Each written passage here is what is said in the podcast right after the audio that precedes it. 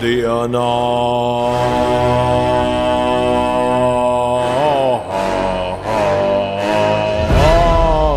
Ne, bet nopietni. Laba diena, otrdiena. Otrdiena klāt! Otrdiena klāt! Otrdiena klāt! Jā, otrdiena ir klāta. Gunvaldis, Gunvaris, Sandra un Sondra šodien mums kalendārā. Šitās dāmas. Aktrisei Jūlijai Ļahai dzimšanas diena. Pirmo, pirmo reizi dzirdu Jūliju. Nu, tu neesi gājis uz Krievu Filmām, jā. teātri. Ah, ok. Brītu augsmanim princim Harijam. Kas viņam tur ar tiem tituliem? Kaut kas viņam tur neiet. Viņš, nu, viņam izklausās, ka viņam ir privātā dzīve, toties viss forši. Jā, princim Harijam daudz laimes. Inesai Zandarei, latviešu dzēniecei un rakstniecei dzimšanas diena. Amerikāņu aktieris Tomijs Lee Jones svin dzimšanas dienu. Toms Hārdijs, brītu aktieris un brītu komiķis Džimijs Kars starp jubilāriem. Runā, ka šodien būs varena diena. Kļūst aizvien siltāks, starp citu, pamanījāt? Jā, Un es šorīt pamodos, pamodos, un man galvā skan dziesma, If everybody in the world loved everybody in the world.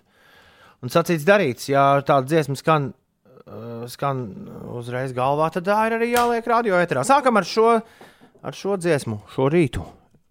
Un lai visiem viss absolūti feinī, celies augšā un aidā!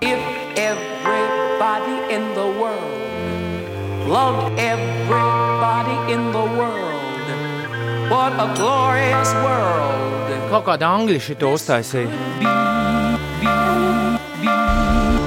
Tad, kad man bija Ines, tik cik tev 18. Bet oriģinālu šim es nekad nebiju dzirdējis. Dēla Rīsa ir dāma no 60. kas šo dzied. Un oriģinālā versijā tas izklausās šādi. If everybody in the world loved everybody in the world, what a glorious world this could be. If every nation on the earth, nation on this earth, what a change in this world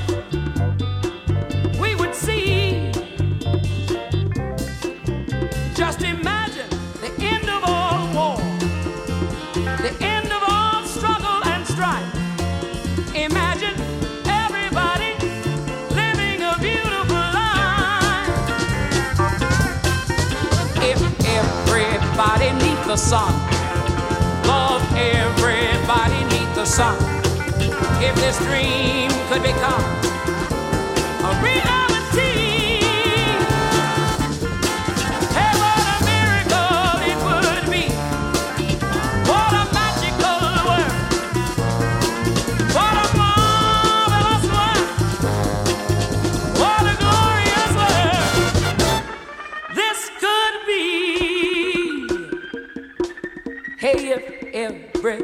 everybody in the world loved everybody in the world. Oh, what a glorious world our world could be. If every nation on the earth loved every other nation on this earth, hey, what a change in this world we would finally see. Now, think about this right here.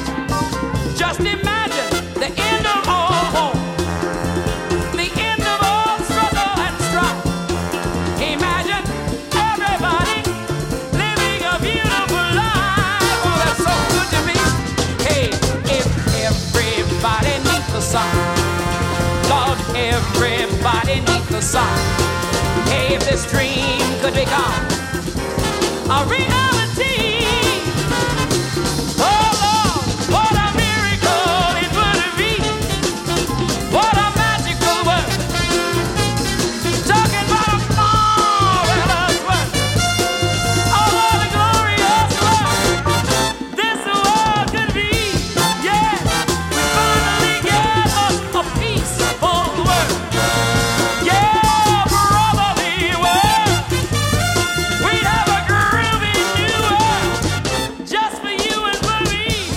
Versija jums labāk patīk?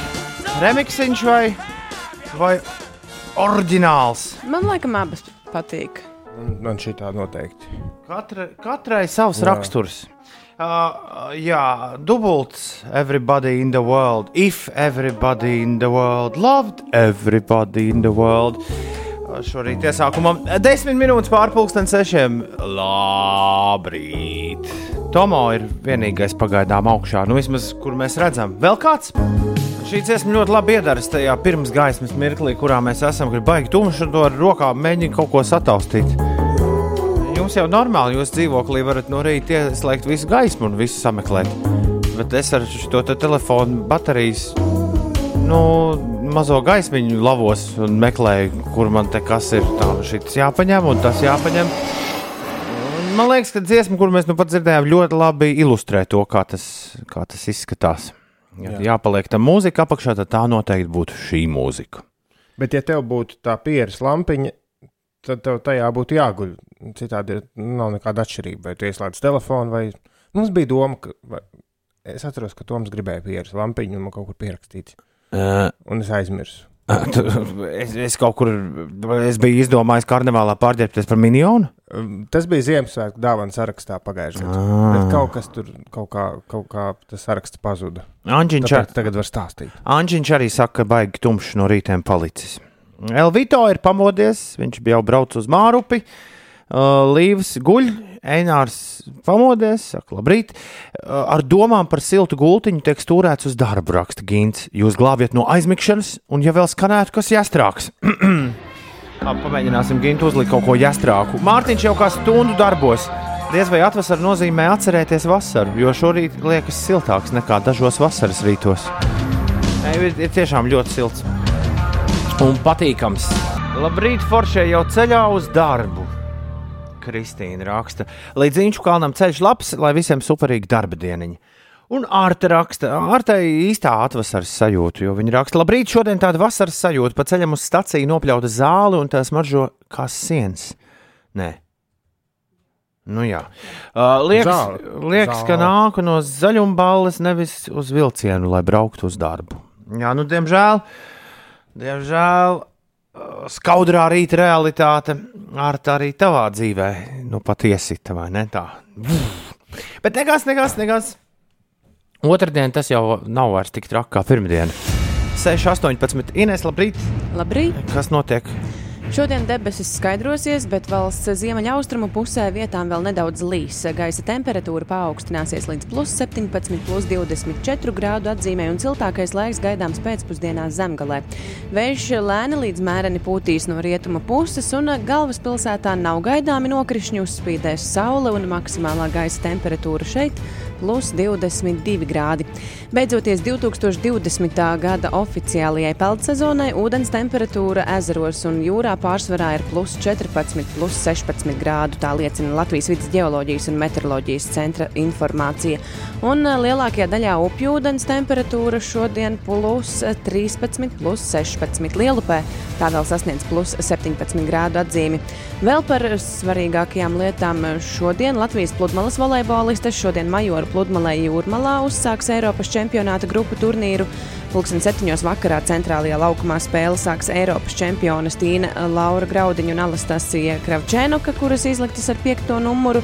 Šodien Latvijas Kultūras Akadēmijas Eduarda Smilģa teātra muzejā paziņos pretendentus spēļu nakts balvām, un Pasaules veselības organizācija brīdina, ka Eiropā rudenī ir gaidāms nāves gadījumu no Covid-19 skaita pieaugums. Ir 20 minūtes pārpusdienas sešiem. Labrīt! Jau 20 minūtes kā ceļā uz darbu Kristaps. Viņš raksta, miegs nāk nežēlīgi, bet labi, ka pēdējais agrais rīts šonadēļ. Tom tur neesi vienīgais, kas ar telefonu gaismiņu no rīta visu meklē. Paldies par jāstrāk un sen nedzirdētu gabalu un jauku dienu visiem. Tā Kristaps. Labrīt! Es ceļā saldus sece. Retais rīts, kad esmu kopā ar jums jau no sešiem. Un POD bija tieši tas, kas vajadzīgs, raksta kāds klausītājs. Jej! Un pasakāns silts rīts ķekavas novadā. Valčs tur uzņēmis plus 16 grādus. Ar labu rītu valčā, rekordprāta vētra. Pam, pam, pam, pam, pam, pam, pam.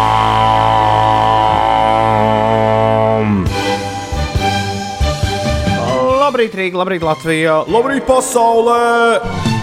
Ir 23 pār 6, ir 2. 15. septembris. Skan Latvijas radio 5, 5 LV. Šeit Toms Grēviņš, Ines Pučeka, Ulrichs Ziedņš. Jā, esam visi trīs šeit. Un, jā, es Valčam iepriekš teicu ar laburīti, pirms sākās prāta vētru, jo viņš man prasīja, to es nepagūvu izlasīt. Kā parasti jā, pareizi jāatvadas, ja dodas gulēt, kad citi ceļas? Man jau liekas, ar laburīti ir īstais. Tas tāds neierasts, bet der. Kāpēc gan ne? Es parasti saku ar labu nakti. Nu, varētu oponēt, ja, nē, nu, varētu oponēt, ja ir tik tumšs, kā ir vēl joprojām šobrīd. Tad, nu, nu jā, cikos ir saulēkts? Ir jau ap septiņiem, vai vēl nav? 6,55. Bez piecām septiņos. Līdz tam brīdim varbūt ar labu nakti arī ir jēdzīgāk teikt nekā ar labu rītu.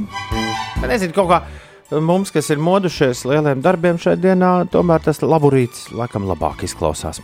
Ines vakar brauca darīt kaut ko, ko es tā arī neesmu izsekojis līdzi. Kas tas ir? Tev ir jauna aizraušanās. Nevarētu to īsti nosaukt par aizraušanos. Kas tad tas ir? Tas ir tāds brīvprātīgais darbiņš, laikam. Tā tad aizraušanās. Nu, labi, lai ir aizraušanās. Kas tas ir? Um, Ko tas no tevis prasa? No mums.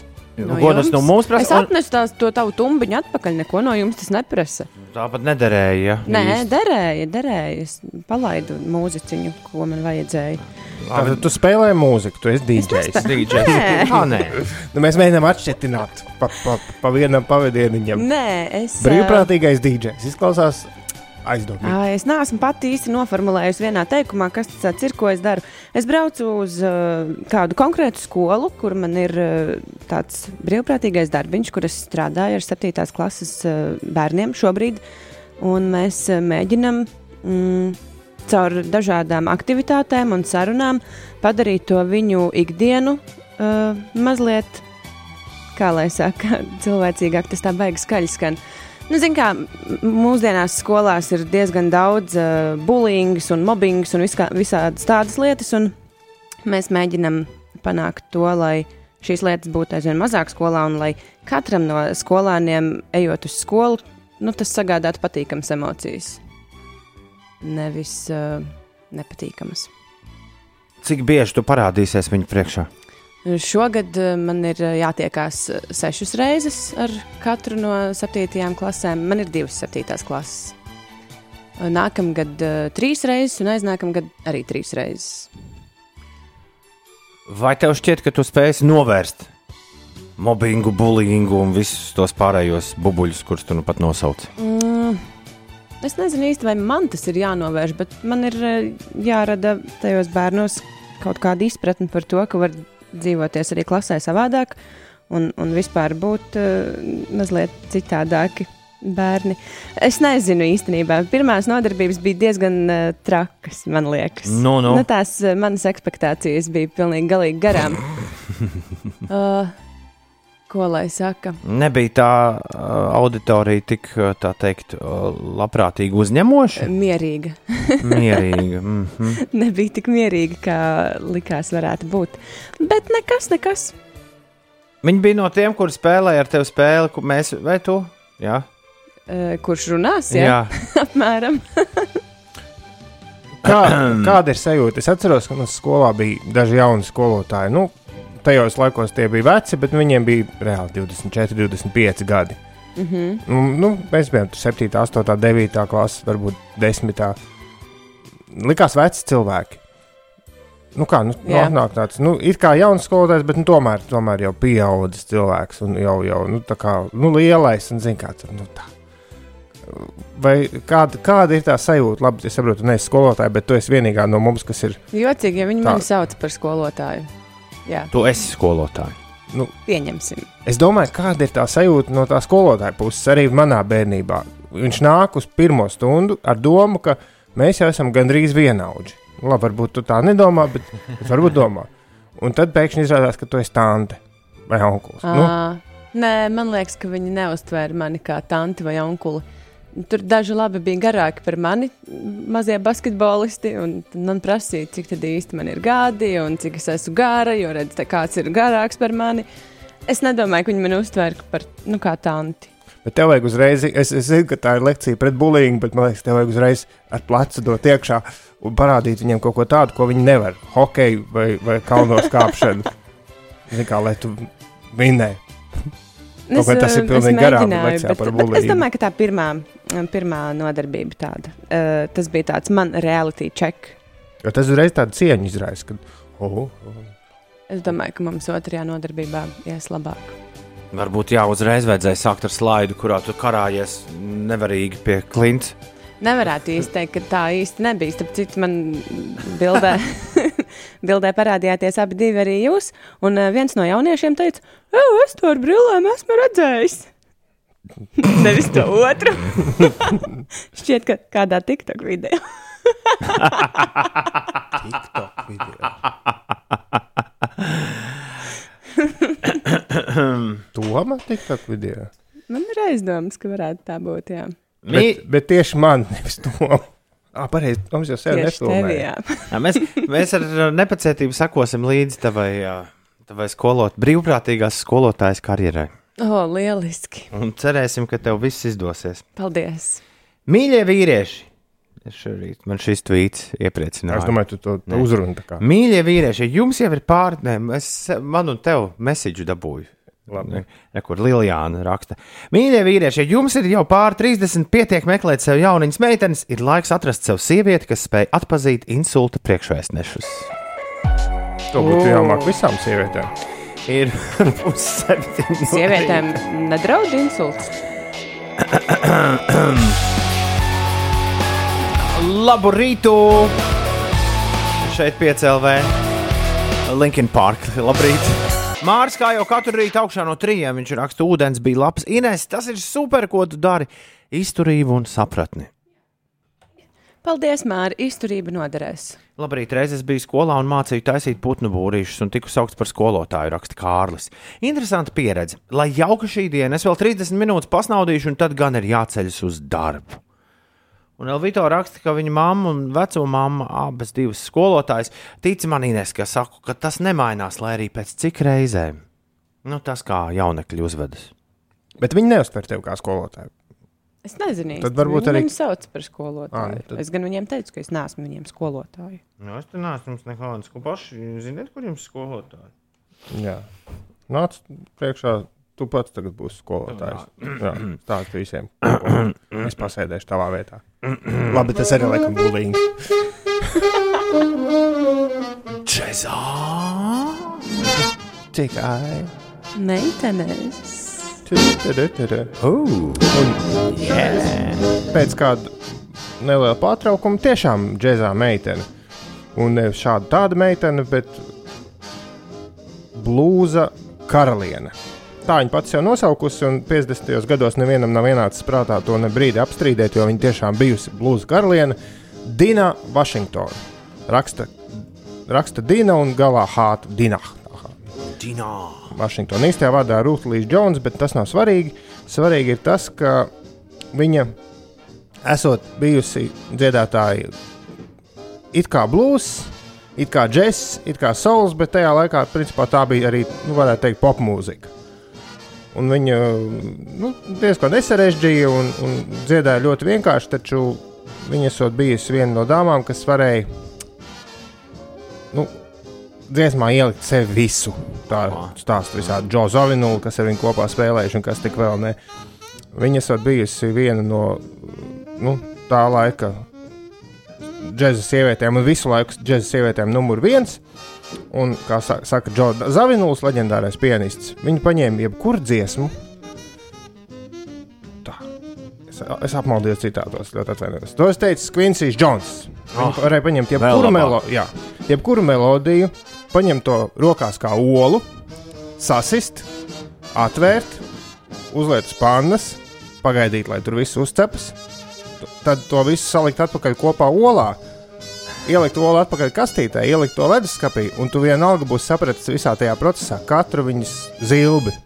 Nu, viņa tā, Labi, ka tas apstājās pie leduskapja. jā, Nekad nebāza viss tā atpakaļ iekšā.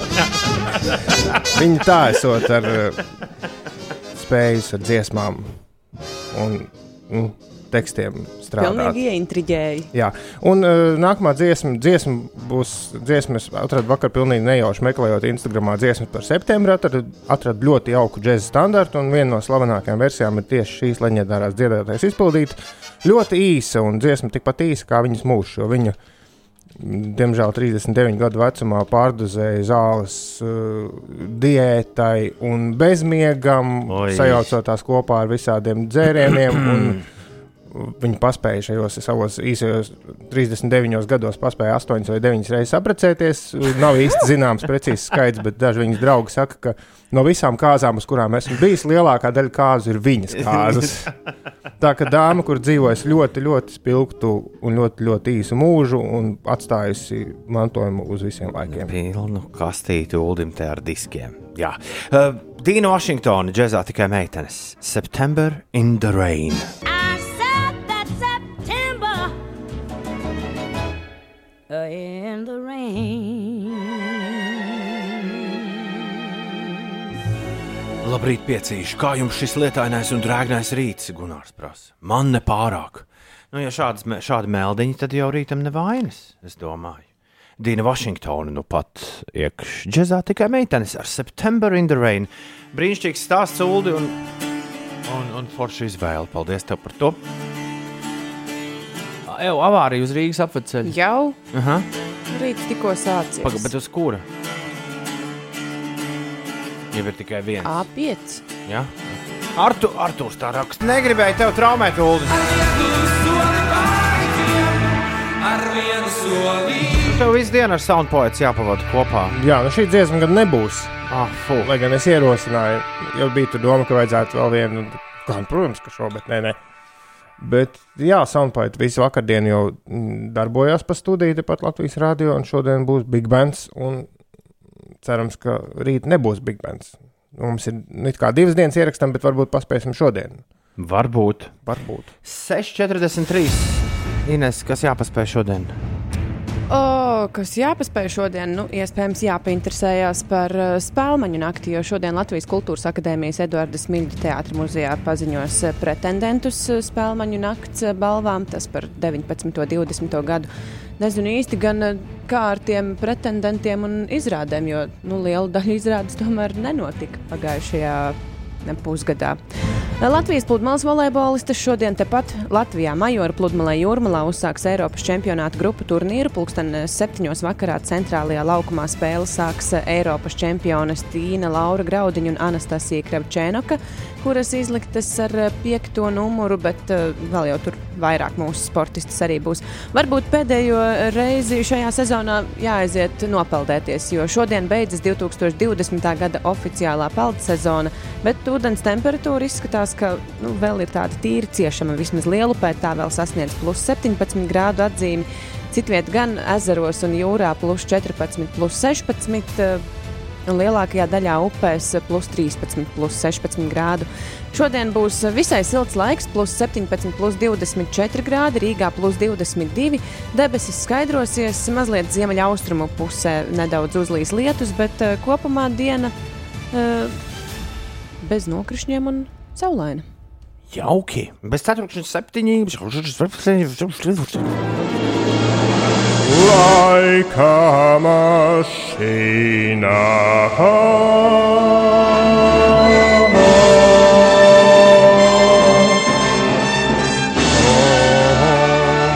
15. septembris, dāmas un kungi, draugi mīļie. Laižam pa laika reni, šļūcam uz citu gadu. Uz kuru gan? Tāds ir jautājums. Kandidātam taktika laika mašīnā ir vienkārši. Ja dziedātājs nemāk dziedāt, tad tas ir 100% pēc 2004. gada. Es, ne, es nebiju dzirdējis, ka tāda robeža eksistē. pēc 2004. Kāpēc tieši viss. 2004? Nezinu. Tad roks patiešām sāk mirt nost apmēram ap to gadu. Es biju diezgan pārliecināts, ka šis dziesmas sākums ir uzsnīgs sniedziņš, balts kaut kāds remiks. Po, Post Malone un Better Now atklāja laika mašīnu. Uz A8 pirms jaunolainas jau sastrēgums raksta Aldis. Ai! Jā, raksta, ka tas ir bijis gadā, kad viņa ir bijusi mūsu kolēģe. Tiešām Jāna. Sveicienu vienai no piecu rītu uzticamākajām, es atvainojos, Edžiņš raksta, sveicienu vienai no piecu rītu uzticamākajām klausītājām, Kiki jeb Kristīnai, kura šai laikā no rītiem dodas uz darbu, jūs klausoties. Viņai būtu daudz par ko parunāt ar Inês, jo viņa arī ir kalnu fane. Mm. Jauki! Čau, Kristīne! Ir 6,49, ir laika mašīna, un mēs esam 15. septembrī, kādā citā gadā. Gadā, kad 5LV bieži spēlē šo. Zana raksta, ēdam ar meitu trešklasnieci brokastis, un viņa smagi nopūšas. Uf, atkal kārdī bija. Agrāk viņi tik daudz par radio neskanēja. Un tas viss tāpēc, ka viens čalis TikTokā uztaisīja dēļu ar viņas dziesmu. Un viss populāri uzreiz. Mm.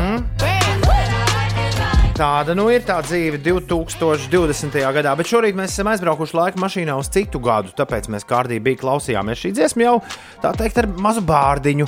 Un uh, roga, Kārlis, Rudais, Džins, arī mierīgais Gatis, arī, arī Ingūns, Igors, Norča un Sencīts Dainis. Labi zinu, uz kuru gadu mēs esam aizgājuši. Aizbraukuši. Evelīna arī zina, un Jānis arī zina, un Juris arī, un Aldis arī. Un Elvito arī ir pateicis pareizo gadu. Nu, lūk, ir daudz pareizie gadi, daudz pareizes atļaujas doties uz virtuvi apēst kaut ko ekstra garšīgu. Protams, tāda iespējams šobrīd ir. Bet tagad laiks noskaidrot, kurā gadā mēs bijām. Nu! Nu, liekas, kā 18. Es ar dotu 5 tur visādi sarēķināju. Uh -oh. Man nav nejausmas, es ņemu 2011. Wow, Ines! Nu, tāds apaļš. Martai būtu ko teikt. Jā. Pagaidiet. Ne, kāpēc man nespiež sliktās skaņas poga? Ah, Marta. Tu aizmirsti par, zie par ziediem, kas novīst. Jā. Pareizā atbilde ir 2008, 2018. Līdz ar to Ulas ir izcīnījis grūti sūri punktu. Jums Jā. ilgi negājas starp ar punktiem. Uldim, Nē, ta- man bija pagājušā nedēļa. Uldim tagad viens ir. Tagad Uldim, jā. Jā, jā, arī mums tiešām par šo ir jāuztrauc. Viņš raksta, šorīt internetā skatos, ir bilde, kur pasažieru vilcienā puisis sēž uz motoroleru. Komentāros diskusija. Viena daļa dusmojas par šādu rīcību, jo benzīns maka, citi uzslavē par to, ka mopēdu vispār varēs iecelt vagonā iekšā. Kas zina, varbūt mopiņš saplīsis un cilvēks atradis risinājumu, kā nokļūt mājās. Tā arī. Nē, nu, varbūt tiešām versija ir pareiza. Saplīsis un kaut kā mājās jātiek. Man liel- gan liekas, ka ir bijis pa lielu gabarīts, lai to vilcienā pārvadātu. Bet uh, labi, varbūt Galvenais, lai cilvēkiem Facebookā ir, es pieļauju, ka tas Facebookā ir lai ir par ko cepties. par ko cepties. Jā. Skaidra lieta, skaidra lieta. Kā katru otrdienu mēs vēlamies uzspēlēt uh, mūžīgo studentu spēli, kurā jums viss, kas jāizdara, lai tiktu pie diploma, pie kura vēl pagaidām neviens nav ticis. radio, radio studenta diploma. Jums ir jāapspēlē mūsu mīļais Ulas ziediņš. Būs desmit, desmit jēdzieni vai visādi tur. Vai ne jēdzieni? Ne, kā tas ir, Ines, kas tur vēl ir bez jēdzieniem? Personas, Nu, viss vis, kā- vietas. Viss kaut kas lietas. vienkārši jāpasaka, kas tas, kas tas tāds ir. Jā. Jā, bet zin apjomīgāks ar katru nedēļu. Un pēc Mēs- tam Uldis, jā, nu, vispirms Uldis izies ārā, jūs atbildēsiet, pēc tam Uldis atnāks atpakaļ, un tad viņš atbildēs. Un, ja, ja tu apspēlēsi Uldi, tad viss. Bet mums, man liekas, ir kaut kādi kabatā. mazliet skaidrāki noteikumi jāievieš tajā spēlē. Jo pagājušajā reizē Uldis teica par, uh, par, par galvaspilsētu vienu. Nē, nu, Viņš vienkārši pateica pilsētu vai galvaspilsētu. atbilde uz jautājumu precīzi. Ja jautājums ir, kas ir Ašhabada, Jā, bet tad tikpat labi arī jautājums, kas ir Džo Baidens vīrietis. Jā, Cilvēks. nu, nu, nu, jau juridiski tā arī ir. Ej, Klau, jurists, mūžīgais students, klausies! 293, 202, ja kāds no jums ir šorīt apņēmības pilns ar ULD uzspēlēt šo spēli, lūdzu, atsūtiet īsiņu, kurā vienkārši rakstāt, rakstāt, es vēlos spēlēt spēli. Un ļoti iespējams, ka mēs izlozēsim tieši tevi, un tev būs iespēja ar ULD šo spēli arī pavisam drīz uzspēlēt. Pagaidām 8 pār 7.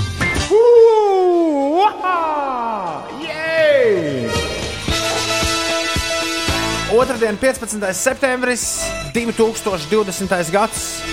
Šeit Latvijas Rādio 5,5 LV. Iet pa ceļu, nagu laks, nagu laks, nagu laks. Jā, Jūlija. Nē, es atvainojos. Gunvaldis, Gunvaris, Sandra un Sondra. Sāksim ar šiem vārdiem. Tie ir iekšā kalendārā. Gunvaldim, Gunvarim, Sandrai un Sondrai vēlam visu to labāko. Aktrisei Jūlijai Ļahai, Daugopils un Liepājas teātros. Aktrisei un kostīmu māksliniecei daudz laimes dzimšanas dienā. Brītu augstmanim princim Harijam dzimšanas diena, latviešu dzēniecei un rakstniecei Inesai Zandarei dzimšanas diena. Ines, paldies par, par visiem jaukajiem dzējoļiem un dziesmu vārdiem. Amerikāņu aktieris Tomijs Lee Jones svin dzimšanas dienu, brītu aktieris Toms Hārdijs un Džimijs Kars arī dzēna. Ja svin vēl kāds, kurš mums obligāti jāapsveic, padodiet mums ziņu, kā var būt farmaceits Ines un nebūt, uh, nebūt pabeidzis augstskolu. Nu, to tu nejautā. To man. jūs uzzināsiet interes- interesantajās ziņās, jo es tieši rakstu ziņu par šādu e, tipāžu. Ir 17 minūtes pārpusdienas, 7 mūžīgo studentu spēlē. Farmaceits ir tālruņa klausulas otrā galā. Čau, farmaceits! Čau, čau, čau. Kā tev ar tām studijām iet izstāstīt? Nu, zin kā, es mazliet palabošu, nav jau tik vienkārši, tomēr pieci gadi jāmācās. Tomēr jā, jā, jā. nav fiksēts ātrais variants. Tā ir vesela mūžība. Vesela mūžība. Jānis raksta, pirms mēs sākam spēli spēlēt, esmu Ulu pusē. Jautājums ir jāuzstāda tā, lai nav pēc tam vietas interpretācijām. Un Ulas ir samērā erudīts. Jauku dienu visiem un saulīti. Paldies, Jānis, par to. Labi, nu, kā nu mēs stādīsim, tā mēs stādīsim. Tur nav vairs nekādas izvēles. Jā, nav stulbi jautājumi, ir stulbs atbildes. Jā. Hāms un kungi, Uldis pamet studiju. Un farmaceits mēģinās viņu izsist no ierindas mūžīgo studentu spēlē.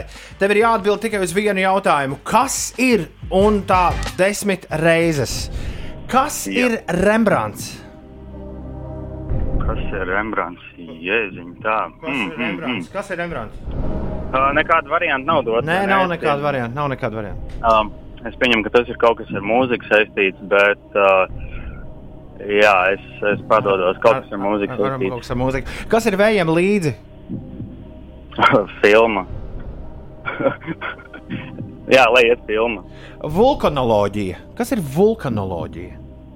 Uh, vulkanoloģija varētu pētīt uh, to, kā kaut kas no geogrāfija loģiski, un tas varētu pētīt, kā ir uh, ieži kaut kā nosēdušies kaut kādā secībā uh, uz Zemes. Ļoti labi. Jā, kaut kas ar to. Kas ir Stevens Kings? Stevens Kings ir grāmatu autors, Helmuts Balders. Kas ir? hokejists Latvijas izlases. Joprojām? Nē, viņš, viņš, nē, viņš, nav, viņš nespēlē, bet būtu labi, ja viņš palīdzētu. Ines, es tiešām jūtos tā kā nu, sesijā. Tas ir pasniedzies. Kas ir prāvests? Ar R prāvests. Prāvests. Nevis pāvests, bet prāvests. Vai nepateikšu? Ah, tā pā, pā, prāvests. Prāvests.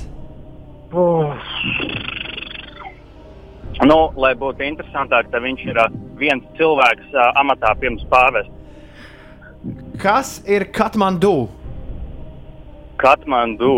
Mm, transporta līdzeklis kaut kāds. Interesants, es nezinu, kaut kas saistās ar transporta līdzekli, kaut kas kvadrciklam līdzīgs. Es nezinu, Okay. tiešām. Kas ir krufins? Vēlreiz. Krufins. K, k, kru, Ā, kru, ā, krufins. mafina, mafina un cupcake apvienojums. Kas ir buberts? Buberts tas ir saldējs ēdiens, uh, tā kā uzputots uzpūtens. Un kas ir ugunsmūris? Ugunsmūris, jeb angļuiski firewall, tas mūs pasargā no vīrusiem mūsu datoros. Nu, viss Ja, vai arī aizsardzība Miami Heat pret Milwaukee Bucks izcēlījumā. ļoti labi. Ļoti labi. Farmaceiti ļoti labi starts. Uldi nāc iekšā! Uldi! Nāc iekšā! Nāc iekšā! Ļoti labs starts. Es baidos, ka Ulim gan būs kas uh, sakāms nu, rezultātos. Bet pagaidiet, farmaceiti paliec pie klausulas, klausāmies, kā ies Ulim. Uldi, desmit jautājumi. Es gatavs? Tā es neskatos, ko Ines raksta, neskatos īsiņās, aizver acis, labi aiziet. Kas ir Rembrandts? Mākslinieks, Jā, to arī Glaznotājs. pietiks Nīder, no Nīderlandes. Kas ir vējiem līdzi? Ejam līdzi, ir romāns, slavena filma, Margarita Mičela autore. Perfekti. Kas ir vulkanoloģija? Vulkano... Zinātne, kas pēta vulkānu. Per perfekti. Kas ir Stevens Kings? Stevens Kings ir slavens grāmatu autors, joprojām dzīves raksta ļoti daudz esmu lasījis. Precīzi. Kas ir Helmuts Balderis? Helmuts Balders ir uh, čalis, kuram pieder autostāvēt. Nē, viņš ir slavens hokejists uh, no padomju laikiem jau. Kas ir- Rīgas Dinamo. Kas ir prāvests? Prāvests, Prāvests. ir, ir uh, viens no mācītāju amatiem. uh, Nezinu precīzi, kurā baznīcā, bet nu, viens no nu, tur kapelāns, pāvests, prāvests. Nu, kaut kā tā. Mācītāja amata tituls. Kas ir Katmandu? Katmandu ir uh, valsts vai galvaspilsēta. Katmandu, Katmandu, Katmandu. Nē, Katmandu ir galvaspilsēta. Kam? Nezinu. Kas ir Krufins? Krufins. Nezinu, tas nav putniņš Īslandē, pilnīgi noteikti. Nezinu. Kas ir Buberts? Buberts ir saldais ēdiens. Un kas ir ugunsmūris? Ugunsmūris ir mm, sistēma datoru aizsardzībai no iebrukumiem. Perfekti. Perfekti. Stulbā Katmandu pagaidām valsts vai galvaspilsēta. Nu, Tā bija. Nepāles galvaspilsēta. Nu, labi, nebūs. Mēs vēl kaut ko neizskaidrojam. Ah, Krufins, Krufins. ir krosāna un mafina hibrīds. Ah, Par to es esmu pats jums stāstījis interesantajās ziņās. Droši vien, droši vien. Ah. Tā varētu būt. Dāmas un kungi, Inesei ir rezultāti. Šorīt farmacēts pret Uldi, mūžīgo studentu spēlē. Man ir mazliet dilēma. mm, Nu. Par to farmaceitu atbildi par iežu novietojumu uz zemes. Par vulkanoloģiju. Jā, Vai Kā jau pareizi ir? vai to mēs skaitām? Ieskaitām, Ieskaitām, labi. Tad uh, nu, es teikšu, ka spēle ir bijusi visai sīva, un tomēr ar rezultātu 9 pret 8. Wow, tik daudz tev sanāca. Jā, Uzvarējis. Farmacēta tev nešķiet kaut kas tur klāt pievilkts aiz matiem. Uh, nē, nē, ir tiešām ļoti zinošs jauns vīrietis. Viņam ir pieredze dažādās spēlēs, tāpēc es atdodu uzvaru. Bet, ja jums būs sezonas apkopojuma lielā sīvā cīņa, es viņu varētu vēlreiz mēģināt paraustīt aiz uzsām. Labi, labi. Bet pagaidi, pagaidi. Ines oficiāli tev jāpaziņo. 9 pret 8 rezultāts un uzvarējis Kuram ir deviņi? ir Uldis. Kā tā sanāca? Deviņi. Jo tu atbildēji, eh, Neatbildēja Krufinu Jā. un neatbildēja Katmandu. es paņēmu to kā galvaspilsētu. Jo Nu, labi. iepriekš tu sāki gandrīz raudāt par to. Nu, labi, labi, labi. Nā, sarunājam, ka nākamreiz galvas, tad, tad vienojamies, ka nākamreiz pilsētā, ja tā ir galvaspilsēta, jāpasaka, kuras valsts. Labi. Farmacēta, tu arī to lūdzu neaizmirst. Ja? Jā, kārtībā. Paldies tev par spēli un lai forši otrdien. Čau! Jā, atā. Viņš ir rūkstoši, bija farmacēta balsī. Nu, principā jau ir neizšķirts. Es, nu, 7,24. Inês, Jā, kas tur notiek ārā? Ā, mazliet sastrēgumā ārā notiek, kā jau ierasts uz A8. Ir stūķis apmēram 28 minūšu garumā, posmā no Olainas līdz Jaunolainai. Ar to ir jārēķinās.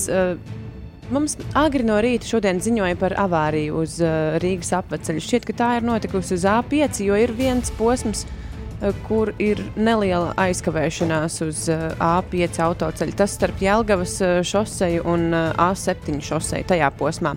Eh, Vēl Kroksilas balāžu pagrieziens eh, šobrīd prasīs eh, 12 minūtes, un citvietā Rīgā izskatās, ka situācija ir visai mierīga. Buļļielā mazliet vairāk nekā 4 minūtes jāpierēķina klāt ceļam. Kārļa Ulmaņa gatavs pagrieziens uz vienības gatavi prasīs eh, 5 minūtes, arī citās ierastajās sastrēguma vietās pagaidām tiešām tikai 3 līdz 4 minūtes.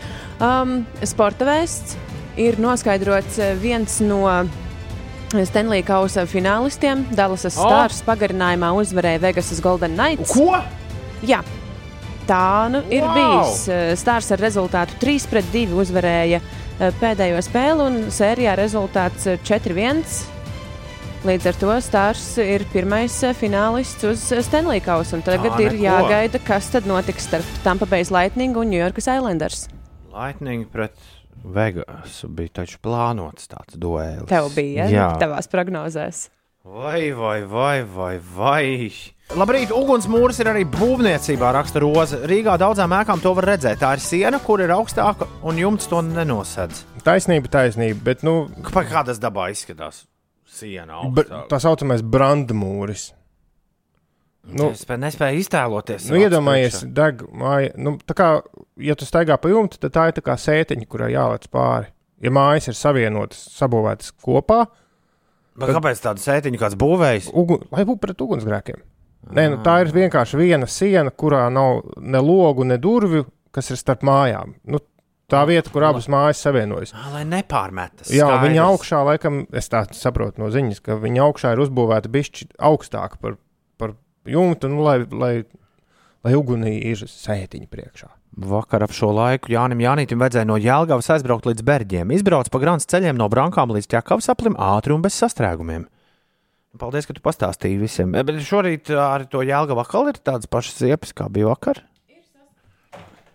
Ir sastrēgums tur, jā, bet uh, nav tik liels kā vakardien. Ir pusstunda apmēram. bet, uh, tikai. nu, labi, vakar ap šo laiku arī bija apmēram pusstunda tur, bet uh, pēc tam jau tas palielinājās līdz pat stundai. Man liekas, ka visiem tiem, kur ir kaut kur apstājušies, šobrīd ir vajadzīgs.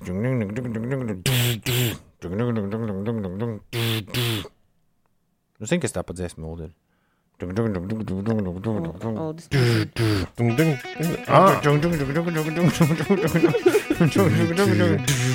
Tūlīt būs. Ugunsmūris ir arī automašīnām. Tā ir starpsiena, kas ir starp motortelpu un suto salonu. Kas tas jums tur pa suto salonu? Šūto. sveiciens kukumas saimē no Mārtiņa. Veiksmīgi montāžas dienu vīri. Ir 7,31. Pagriežam radio bišku skaļāk. Pie šitā gabala jau gribas gāzēt, ka mati plīvo, bet tajā mīcās pa sastrēgumiem. Uhcī, bet puls ir īstajā ritmā, rakstīt.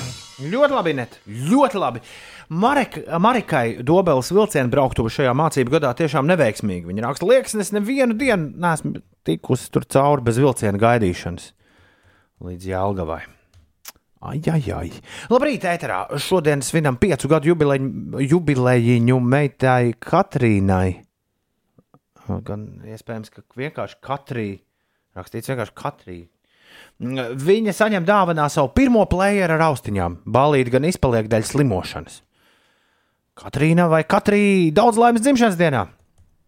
Labrīt! Jūs varētu lūdzu pasveicināt manu vīru Edgars. Viņš aizsapņojies pie stūres. Foršu un jauku dienu, tā raksta Lelde. Labrīt! Lelde. Eju, nesapņo. Pie stūres. Es uz darbu braukšu ar savu rīžiku, un man, būs, un man nebūs jāmīcās pa sastrēgumiem, raksta raustītājs. Nu, vai ko tas nozīmē? Rīžiks tas, nu, tas tur. Nu, Mocis? nu ne tā, velosipēds. Varbūt. Tā avārija uz apveceļa no jūrmālas puses ātri ir, bet no Salaspils izskatās uz kādām 30-40 minūtēm būs jāgaida. Tā Arvīds ziņo no ceļa. Ir bez 20 minūtēm 8. Inês Fazāp! Jā, ar vīdam taisnība uz tā apceļa, A5 apceļš. Tas ir starp eh, Jelgavas šoseju un eh, A7 šoseju. Eh, Tur ir notikusi avārija vienā posmā no starp šiem ceļiem, un tur ir jāpavada diezgan ilgs laiks. Uz A8 braucot Rīgas virzienā no pārolainas līdz jaunolainai jārēķinās ar 30 minūšu kavēšanos. Kroksils baložu pagrieziens pirms iebraukšanas Rīgā 15 minūtes. Un Krustpils iela arī ir mazliet sastrēgusi. Tur ir vismaz 13 minūtes jāpierēķina klāt ceļam. Daugaugrības ielā pavadīsiet 9 minūtes. Klārņa ulmaņa gatavs pagrieziens uz vienības gatavi sastrēdzis uz septiņām minūtēm. Ļoti līdzīga situācija arī Jūrmālas gatvē un Vanču tilts centra virzienā pārbraucams piecu minūšu laikā. Par laikapstākļiem šodien daudz vietā Latvijā debesis skaidrosies, valsts ziemeļaustrumos vietām vēl nedaudz līs. Gaisa temperatūra paaugstināsies līdz plus 17, plus 24 grādu atzīmēs siltākais laiks gaidāms pēcpusdienā zemgalē. Vējš lēni līdz mēreni pūtīs no rietumu puses, galvaspilsētā nav gaidāmi nokrišņi, uzspīdēs saule un maksimālā gaisa temperatūra šeit plus 22 grādi. Šodien beidzas 2020. gada oficiālā pelnu sezona, bet ūdens temperatūra ezeros un jūrā pārsvarā plus 14, plus 16 grādi, lielupē vēl tikai plus 17 grādu silts. 7,42. Labrīt! Pieci. Jau pavisam drīz prāta vētra, kā arī valauz ar klairo. Bet vispirms pieci rīti skatās TV. BV. Jā, kas cilvēkiem ir nepieciešams nomocītajai uh, cilvēcei, tad, kad viņi sēž, sēž no mājām, nedrīkst ļoti daudzās lielās valstīs iziet ārā. Muļķības. Kas, kas ir tā īstā lieta, kas rudens smeldzē viņiem noderēs un ļaus dzīvot tālāk un atrast cerību Sveces! un ticību cilvēcei? Nē, Griķi. HBO un Netflix abi divi ir vienojušies, ka tas ir kosmos. Kas? Yes! Uh, gan HBO mūsu platumgrādos, tātad LMT straumē, uh, Shortcut un Helio, uh, Netflix globāli. Katrs ir izlaiduši katrs pa savam lielbudžeta kosmosa gabalam. Uh, vienam kosmosa gabalam desmit sērijas, otram kosmosa gabalam astoņas sērijas. Sāksim ar HBO. Raised by Wolves. Uzaudzinājuši tevi vilki. Kāds nu, kāds nu bija latviskais oficiālais nosaukums? Vienmēr rādās, kā atver vaļā. Re, kur ir vilku audzinātie. Jā. Vilku audzinātie. Kāds tur kosmos, Blade Runner un Alien režisors Ridlijs Skots pie pogām, pie režijas abām divām pirmajām ievadu sērijām šim. Arī savu naudu bišķiņu ieguldījis. Uh, ir kā 200 gadi pēc mūsdienām, tā kā uz priekšu. Ir 2000, kāds tur, tur tas gads. Mm -hmm. uh, Androidi ir pārņēmuši roboti visu kārtību uz Zemes. Zeme principā ir iznīcināta un aizšauti ir. Aizšauti ir uh, vairāki bērnu embriji uz Kepler 22b, kas kosmosa zinātājiem zinām kā vistuvāk uh, Zemē līdzīgākā planēta. Nu, tur divi roboti uh, audzina šos bērnus. Nu, uzreiz pirmā neskaidrība. Redz, roboti ir iznīcinājuši Zemi, bet, mm -hmm. uh, bet divi no tiem robotiem ir izdomājuši, ka viņi audzinās jaunu cilvēci. Tā lielākā ziepa, kas ir cilvēcei atgadījusies, visi cilvēki ir šausmīgi dievticīgi. Viņi jau sen tic pavisam citam dievam, nekā, nekā mēs to esam pieņēmuši. Tur kaut kādam saules, uh, saules uh, jā, lietai. Bet uh, abi divi roboti ir pārliecināti, ka tomēr zinātnē ir tā, kas izglābs pasauli, un tāpēc viņi ir nolēmuši audzināt bērnus uz šīs uh, Kepler planētas. Ar to, ar to audzināšanu viņiem īsti labi neizdodas. Nu, nav tā planēta baigi cilvēkam piemērot, un beig beigās mēs to redzam jau pašā seriāla sākumā. No pieciem vai sešiem bērniem, kas tur tika jā, uzaudzināti, tikai viens paliek dzīves un ir uz vietas. Un tad pēkšņi uzrā, uzrodas Džeks no Vikingiem, kurš spēlē Ragnāru Lofbruku. Tas, kurš nekad nav labi skūvies, viņam vienmēr ir arī šajā seriālā visādi rugāji. Nu, un, uh, un izrādās, ka ir vēl kaut kādi cilvēki izdzīvojuši, un viņi tur lidinās pa kosmosu. Un, uh, nu, jā, vienmēr sakot, šis uh, šobrīd ir viens no reklamētākajiem HBO gabaliem arī mūsu platumgrādos, kur iesaku visiem skatīties. Uh, nu, bai, pirmkārt, pirmā lieta - baigi saštukots. Un otrkārt, uh, mēģināts tas viss uztaisīt tik ļoti dīvaini. Nu, HBO jau tā mēdz darīt. Nu, bet bet tā pat laikā nu, nav līdz galam sajūta, kam īsti tas viss ir domāts. Jo, eh, jo it kā stāstīns absolūti pasaka, bet ar ģimeni kopā šo nepaskatīsies. Jo ir, eh, jo ir dažas vietas, kuras liek uh, trīcēt rokām. Jā. Jā, Un, jau, IMD, un jau tādu hororu. IMDB piemērs klāt. 8,6 ir atzīme. Pagaidām cilvēks gan no pirmās sezonas redzējis tikai pāris sērijas. Es personīgi abiem diviem seriāliem noskatījos pirmās divas, vai es kādam ķeršos klāt vēlreiz, nezinu. Bet tagad pie Netflix seriāla. Netflix liek pretī kosmosu ar Hillariju Svanku. Hillarija Svanka gali, gana pazīstama aktrise, šai gadījumā ir galvenais, uh, galvenā ēsma uz uh, Netflix. Jā, makšķeris. Vai stāsta par cilvēku pirmo misiju uz Marsu? Un, ja jūs atceraties uh, Alfonso Korona filmu, kur Sandra Bulloka ar uh, šo te Džordžs Klūnī. Džordžu Klūniju abi ņēmās pa kosmosu. Es teiktu, ka šis ir kaut kas, kaut kas dikti līdzīgs, bet šoreiz ir pavisam vienkāršs stāsts. Hillarija Svanka uh, vada misiju, kurā ir dažādu. Dažādu valstu pārstāvji tur ļoti labi izdomāts, jo katram ir arī savā valodā tur smukas ainas, un aktieri arī ir piemeklēti no tām valstīm. Uh, Viņa ir indieti, ķīnieti, uh, Krievu, krievu angli. Jā, visi dodas uz Marsu. Sākumā aizbrauc uz mēnesi, pēc tam bžu, uz Marsu. absolūti ģimenes filma. Katrā sērijā pa kādai grūtībai, tā lai sarautos tā un oh, kas nu būs. Bet nu, ļoti tāds, jā, gaumīgs, gaumīgi glancēts gabals. Tā, respektīvi, vieglāks par to pirmo. Ja? Ja? Absolūti, jā. Nu, Štukots jau gan arī ir, bet nu, nu tā. Kas mani mulsināja vienīgi, kāpēc varbūt es vairs neķeršos šim seriālam tālāk, pēc divām sērijām klāt. Nu, tur diezgan, diezgan savādi scenāriji risinājumi, tad uh, komēdijas virzienā ik pa laikam vietās, kur tam īsti tā kā nevajadzētu būt. Mani fascinē, kā tu stāsti par seriāliem. Tu vispirms izstāsti ar tādu. Wow, absolūts kosmos, un kas tik vēl ne? Bet vispār es vairāk par divām sērijām neskatīšos. Bet tāda ja, tā jādara. Tu nedrīkst uzreiz teikt, ēk, vajag mēs, tā kā mēs to reizēm darām. tā tad. Uh, Vienmēr sakot, ja tu gribi kaut ko saštukot un kaut ko, kuram īsti nav saprotama mērķa auditorija, tad meklē vilku audzinātos. Tos rāda HBO vai Latvijā visi tie, kurus es tur nosaucu.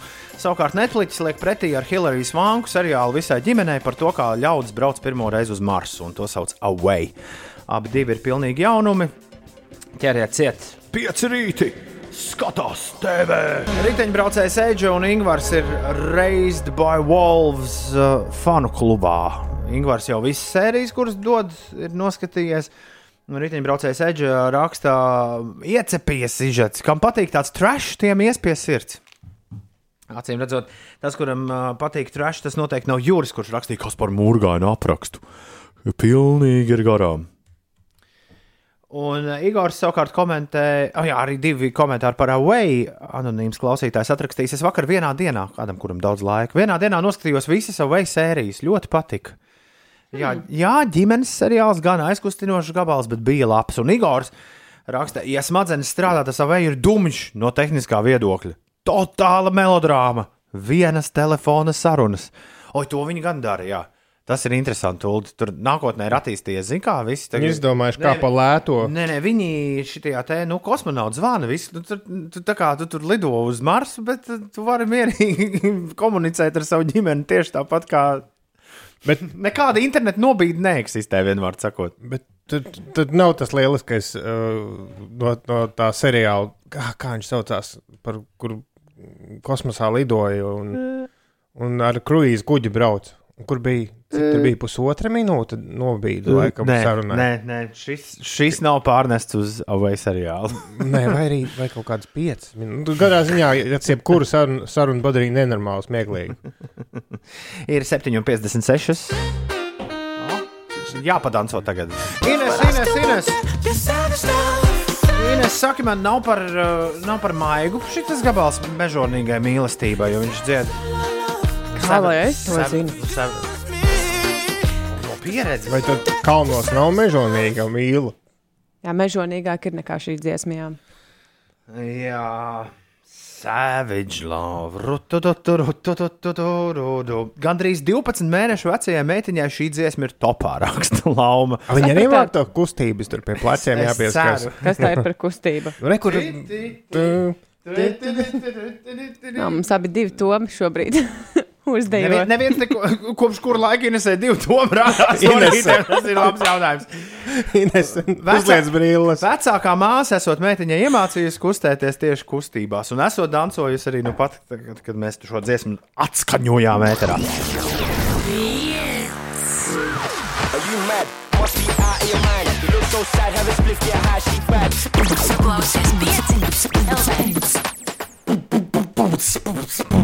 Ir 5 pār 8. Labrīt!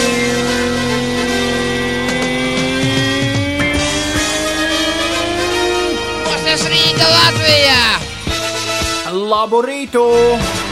Otradienā, septembrī, numur 15. Čau, eterbiedri, etera cilvēki. Labrīt, visapkārt! Galvenais ir labi izgulēties. Jūs nevarat iedomāties, cik tas ir forši. Beidzot, es to izbaudu. Miegu. Es, man katra diena ir sestdiena. Nē, katra diena, kā Morisija dziedāja, svētdiena. Šodien otrdiena Gunvaldis, Gunvaris, Sandra un Sondra atzīmē vārdu svētkus aktrisei Julijai Ļahai. Aktrisei un kostīmu māksliniecei, kas strādājas Daugopils un Liepājas teātros dzimšanas diena. Britu augstsmanim princim Harijam daudz laimes, latviešu dzēniecei un rakstniecei Inesai Zandarei dzimšanas dienu, Tomijam Līdam. Tomijam Lee Jonesam, amerikāņu aktierim, daudz laimes. Tomam Hārdijam, brītu aktierim, Džimijam Haram, brītu komiķim, daudz laimes. Daudz laimes arī tev, Ines. Daudz, daudz, daudz laimes arī tev, Uldi. Ines, kas tev bija pēdējā ziņā? Nolas, lūdzu, vēlreiz. Pats nolast. Pie pogām arī dzēna. Mums grēviņš! Ej, tu no! Wow, tiešām! Wow! Jā! Mēs arī to varam uzspēlēt. Kurš pirmais pacels rokas gaisā?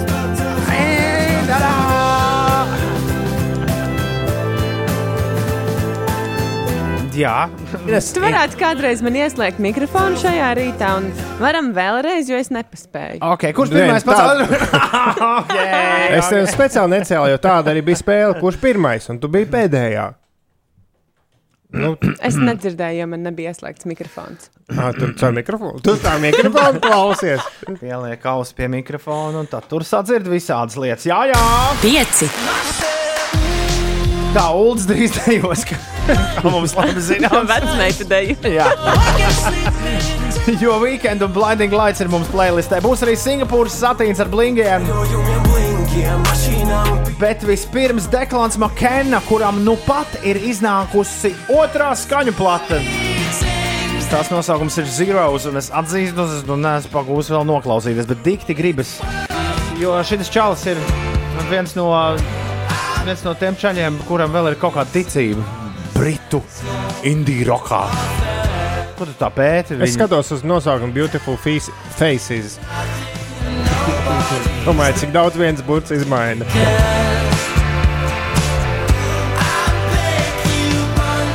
Es tu sapratu, ko Lūdzu to grib teikt. Vajadzēja sabojāt visu, vai ne, Ulu? Deklāns Makēnā. Šis ir jaunākais no viņa Beautiful Faces.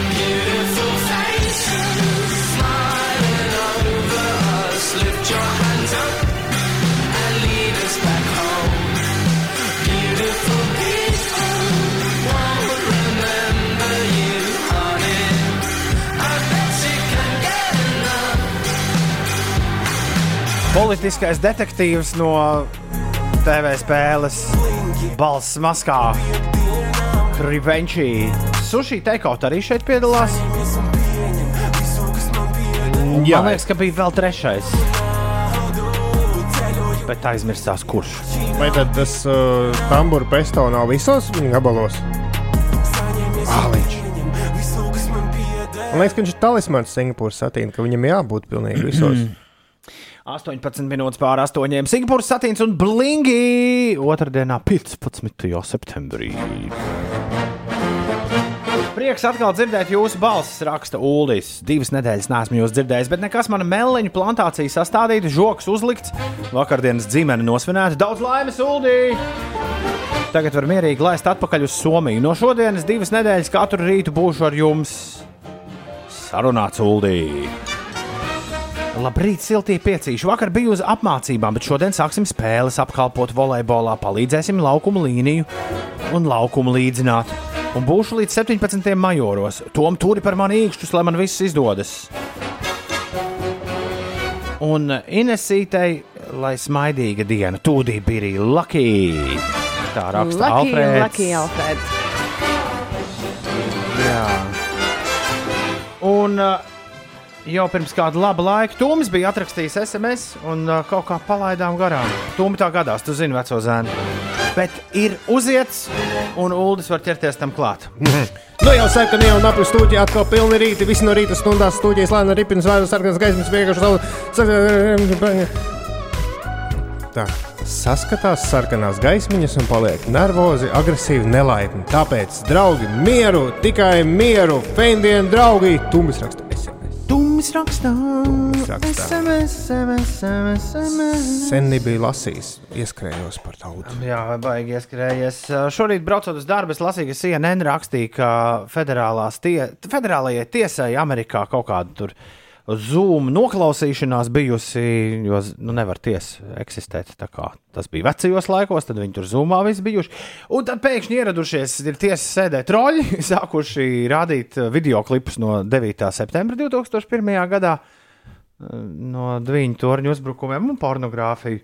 Un es atcerējos, šo lasot, es atcerējos, ka es dzirdēju arī par to, ka kādā mācību stundā esot, nu, iepriekšējā mācību gadā, tad, kad ļoti daudzi jaunieši satikās zumā viens ar otru. Arī tur esot bijusi, bijuši atgadījumi, kad pēkšņi ielaužas nekur negaidīti cilvēki un sāk kaut ko, kaut ko tur rādīt, tādu, kas nav visiem citiem jāredz. Mums pagāja pusgads. Magnus vakar pirmais atklāja mūzikas sapulces čatā, ko var zīmēt. Es neteikšu, ko. tā, ka visi redz. Uz datora ekrāna? Nu, tā, nē, nē, ka visi redz to, kas, kas tiek uzzīmēts. Share Nu jā, screen. share screen. kā. Jā, jā. jā, jā. Tur var tad ko ielikt. tā kaut ko. Bet jūs neesat bijuši nevienā sapulcē, kur būtu ielauzus- ielauzies kāds, kas rādītu kaut ko Nē. tādu, kas nav jārāda. Nu, tagad tā ielaušanās, man liekas, ka tur ir Stipri samazināts, stipri man liekas. samazināta. Jā, Redz, šorīt ir atkal amerikāņi uzķērušies. 11. 11. septembris, tas ir 9. septembris, 11. septembris, Tomo. 11. 8 un 21. Un šodien vispār 15. jau septembris. Jā, iedomājieties, kāds pamostās un domā, Nē, nē, nē. 11. 9. Nē, nē, nē, 15. septembris. Puse septembra jau aiz muguras gandrīz. Ines, kas notiek? Uz Rīgas apceļa A5 no Mīsas līdz apšu kalnam. Tur ir jārēķinās ar 17 minūšu kavēšanos. Mums kāds klausītājs agrā rīta stundā rakstīja, ka tur esot notikusi avārija. Tagad tur ir arī sastrēgums.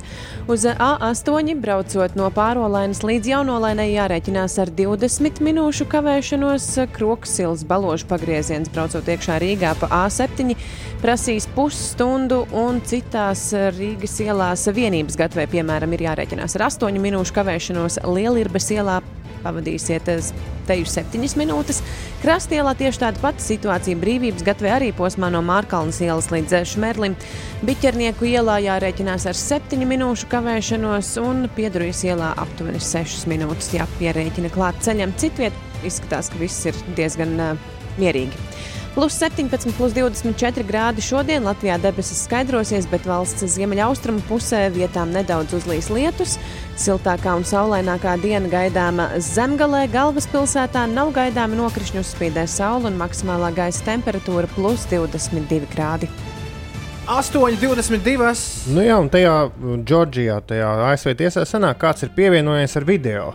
Tas nozīmē, ka viņš ir apstiprināts. Un tad Aha. momentā, tajā pašā sekundē, nospēj share screen, un tur sāc rādīt visādas pieaugušo lietas un politiku. To jau vienmēr mācīja, ka nevajag apstiprināt nepazīstamu. Vai to mācīja Džordžijas tiesnešiem? Asaks arī jautājums. Tur stāv jau no alejas Rimī līdz pat krustam ar Kārļa Ulmaņa gatvi. Jo, haidī! 8 un 26 ir pareizais laiks. Mums ir podkāsts. Mums jau sen ir podkāsts, kopš pandēmijas. Pandēmija sākās, mums pieci rīti, pieci rīti tiek podkāstot tā kā vispār vēl nekad agrāk. Par ko tu smējies, Ines? Par pēdējo īziņu, bet tas ne par podkāstu. Nu, labi. Tur pa mēnešu pēdējo datumu. Tā vienkārši atsauc par taviem uh, datuma putrojumiem pirms Mēneša datums parasti skatos internetu bankā, jo parasti korelē ar konta atlikumu. Man rāda 30. septembri. Lai šo izgājienu vēl vairāk sabojātu, es eh, piemetināšu, ka Ines tev, tev reizēm sanāk ļoti labi nomainīt tēmu visnepiemērotākajā brīdī, tad, kad ir izdomāts tāds skaists izgājiens, kurš Mhm. novedīs pie. Paldies, es pie- uztveršu to kā komplimentu. Jā. Bet es īstenībā pilnīgi neko nedarīju. Līga zaļajā, nē, es atvainojos. Līga zilajā maiciņā cēlies un disko gača. Tu arī esi mundrs. Tagad Grencim un Tomam vajadzēja līgu un, un gaču. Es atvainojos, es izmantošu producentu tiesības. Tagad runājam par podkāstu. Jā, e-punkts uz Slimsvītra. Ah, ja? E-punkts uz Slimsvītra podkāstu. Tur ir dzirdams viss, ko mēs šeit darām bez dziesmām. Ikdienu. Starp citu, jums neprasīšu Spotify at atzīmēt savus mīļākos podkāstus. Ja jums prasa, man neprasīja, bet, ja jums prasa, lūdzu, atzīmējiet pieci rīti vai arī mūsu jauno PCLV podkāstu. Kura nosaukums ir Kā ir būt? Vakar ir iznākusi otrā Kā ir būt epizode. Šis podkāsts ir par to, kā ir būt. Kā ir būt 2020. gadā, par mīlestību, ilgošanos, nākotni, vientulību un citām parādībām šajos apstākļos. Mūsu satura redaktore Elīna Balskara ir tā, kur ir atbildīga par podkāstu. Viņa veic intervijas ar dažādiem jauniešiem, kur mums spēja pastāstīt kaut ko tādu, ko iespējams nesam dzirdējuši. Otrā epizode nākotne, sākot no vakardienas, ir pieejama visos podkāstu servisos. Kā tas skan nākotne no vakardienas? Jā, otrā, otrā epizode nākotne tajā Elīna sarunājas ar Tīnu Alisi Drupu, 20 gadus jaunu meiteni, kur Amerikā studē cilvēku ekoloģiju. Šobrīd ir atgriezusies praksē Latvijā un pandēmijas dēļ paliks te loģiski ilgāk nekā plānots. Ja tu vēlēsies uzzināt, kas ir pirmkārt cilvēka ekoloģija, jau tas ir interesanti. Es paklausījos mm, sākumā, es visu nenoklausījos, bet noteikti šodien izdarīšu. Jā, man ar, man ar plānā ir šodien lielāka klausīšanās. Atbildes meklē abas dāmas uz jautājumiem, kā skatīties uz nākotni, ja dzīvojam tagadnē. Kurš ir atbildīgs par to, ko mēs ar šodienas izvēlēm, darbībām nodaram nākotnes cilvēkam? Vai mums ir jāuzņemas atbilde par kaitējumu, ko nodarām kādam nevis tagad, bet vēlāk? Kā savā dzīvē ieraudzīt, ka mēs esam ne tikai pēcteči daudziem miljoniem cilvēku, bet arī priekšteči, priekšteči vēl vairāk miljoniem? Mm -hmm. Tas viss podkāstā ir iekšā. Ir grūti runāt, jo tas nav nekas vēl nav noticis, bet savā ziņā tā atbildība, ka mēs par kaut, ka mēs kaut ko zinām, ir, ir šis te um, aspekts, par kuru būtu jādomā. Bet vai tiešām ir tā, ka nav noticis? Jo man liekas, ka ir ļoti daudz lietas, kuras mēs darām, un viņas tajā brīdī notiek. Es nezinu, šis būs varbūt triviāls piemērs, ja? bet uh, es nopērku savu augli maisiņā, piemēram. Un Un es varētu teikt, ka nav noticis vēl šis piesārņojums, bet patiesībā tajā brīdī tas, ko es esmu izdarījusi, es esmu nodrošinājusi savu maisiņu cilvēkam, kurš piedzims pēc 300 gadiem, piemēram. Viņš tur būs. Līdz ar to tas, tas piesārņojums ir noticis tajā brīdī, 300 gadus tālā nākotnē. Kā ir būt? Visos podkāstu servisos jau šobrīd, Svētdien, pulksten 8. vakarā, būs arī īpaša radioversija par šo dzirdam šeit Latvijas Radio 5,5 LV ēterā. Meklē visur, kā ir būt. Un ir arī e-punkts uz slīpsvīti, kā ir būt, kas aizved pat aizno uz mūsu mājaslapu, kur to visu arī dzen var dzirdēt.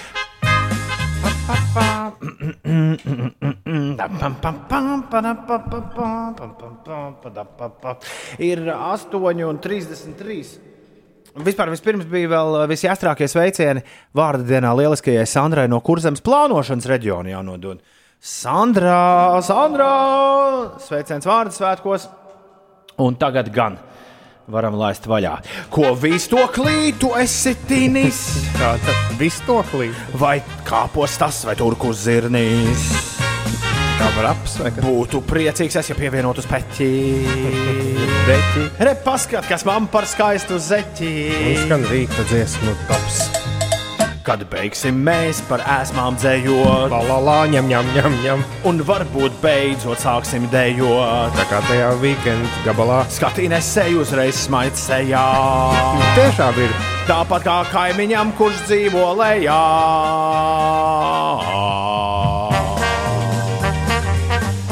Kas mums lejā dzīvo Centrālē? Latvijas? Nē, mums lejā dzīvo Latvijas radio, man liekas, ka četri. Nē, trīs. Klasika, tā jaunā studija. Ne? Jā, tā varētu Ah, jā. būt. Tā varētu Tas būt. ir.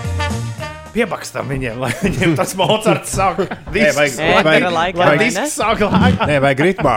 Tu, tu, tu, tum. To, to, to, to. Labi, īstenībā mums pa vidu ir vēl viens uh, Džons Malkovičs stāviņš, par kuru neviens nezina. Atsūta mums lūdzu savas trīs visu laiku vismīļākās rīta dziesmas uz rīti at 5 LV. Pieliec klāt savu vārdu un tālruņa numuru, un iespējams, ka jau rīt mēs klausīsimies tavas mīļākās rīta melodijas. Šodien vesels trīs dziesmas izvēlējies ir Edvards. Ar Edvardu arī sazvanīsimies, bet uh, Edvarda rīta melodiju parādi uzsāk skaņdarbs, kur es dzirdu pirmo reizi.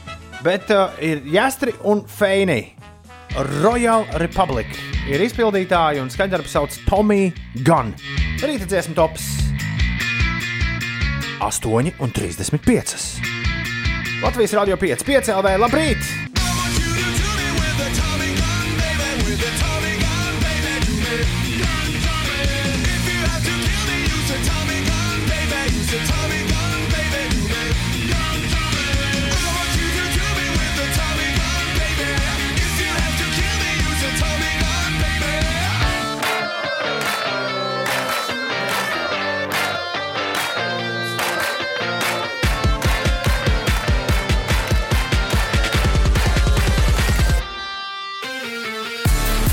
A5 virzienā salaspils Babīta korķis uz 4 km. Beidzamās mašīnas sāk stāvēt jau no ķekavas pagrieziena. Mums tikmēr Juice World un Marshmallow 5 LV.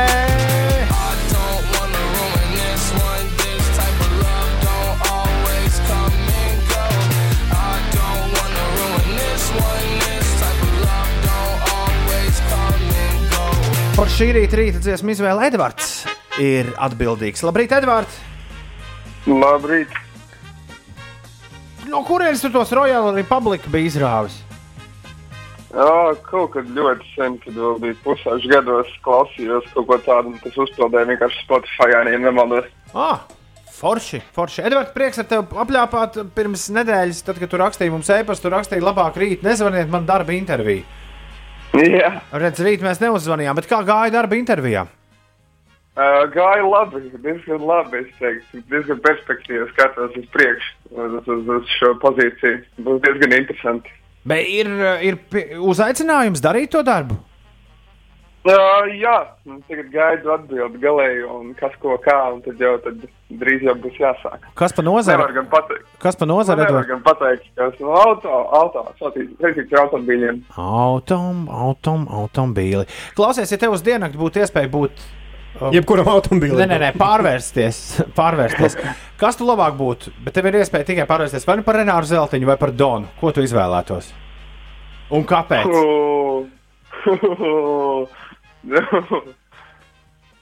uh, grūts jautājums. Droši vien, kad uh, Donu. Kāpēc? Nezinu, tik labi nepazīst Renāru Zeltiņu, laikam. Bet ka baigi Donu? Donu pazīst. Ja tev būtu tagad līdz pat mūža beigām katru dienu jāēd viens ēdiens, kuru ēdienu tu izvēlētos? Šokolādi. Mmm, vienkārši šokolādi visu laiku uz rīņķi. Nu, labi, nē. Varbūt ka kaut kādu gaļu. Tu esi kādreiz kāvies. Jā, nē. Man liekas, uzrāvām traumu. Bet, bet, iedomājieties, ja vajag izkauties, kāda dziesma sāk skanēt fonā tajā brīdī. Nu, ja, ja tava dzīve ir nevis dzīve, bet filma, kas būtu tāda īstā kautiņa dziesma?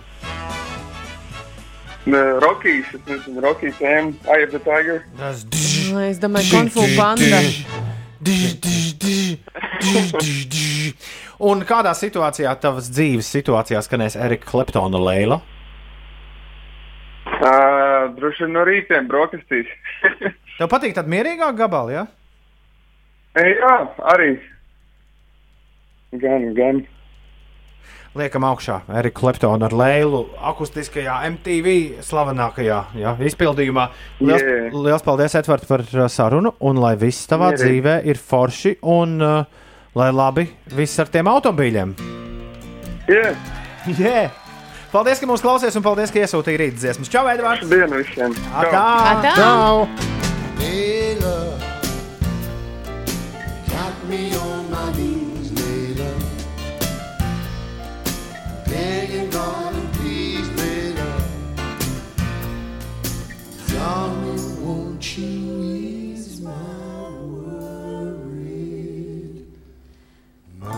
Pīsiņam vienmēr bija šķitis, ka gluži kā Snoop Dogg, Eriks Kleptons dzied Leilov. Leilov? Leilov? Nu, tā kā apakšā. Leilov. Zemu. Eriks Kleptons. Leilo! Pateicoties Edvardam rīta dziesmu topā. Par automobīļiem Edvards sapņo. Brum, brum, brum, brum, brum, brum. Vut, vut, Un vut. mazliet par vecu somu tehno. Bet rīta dziesmās to nav licis. Par laimi. Tur kleptons ar visu leilu ticis. Kad skan rīta dziesmu tops. Tā leila kleptonam ir mīlas rēta. Kaut kas nesanāca viņiem. Bet cepam šmulim gadījusies bēda. Marshmallow. Tas dīdžers tagad visos topos ticis. Ar savu spaini galvu. Bet vairs nezinu, kur to šmuļa masku. Ah, licis. šmuļa nevis spaini. Pa pandēmijas laiku pazuda. Nu, jā, viņam pa pandēmijas laiku pazudus masku, un vairs nevar vairs spēlēt disens. Jā, meklē jauns spainis. Bet tiem gan ir viegli, kas pieraduši maskās visu laiku staigāt. Tiem tagad, Ikdiena. jā.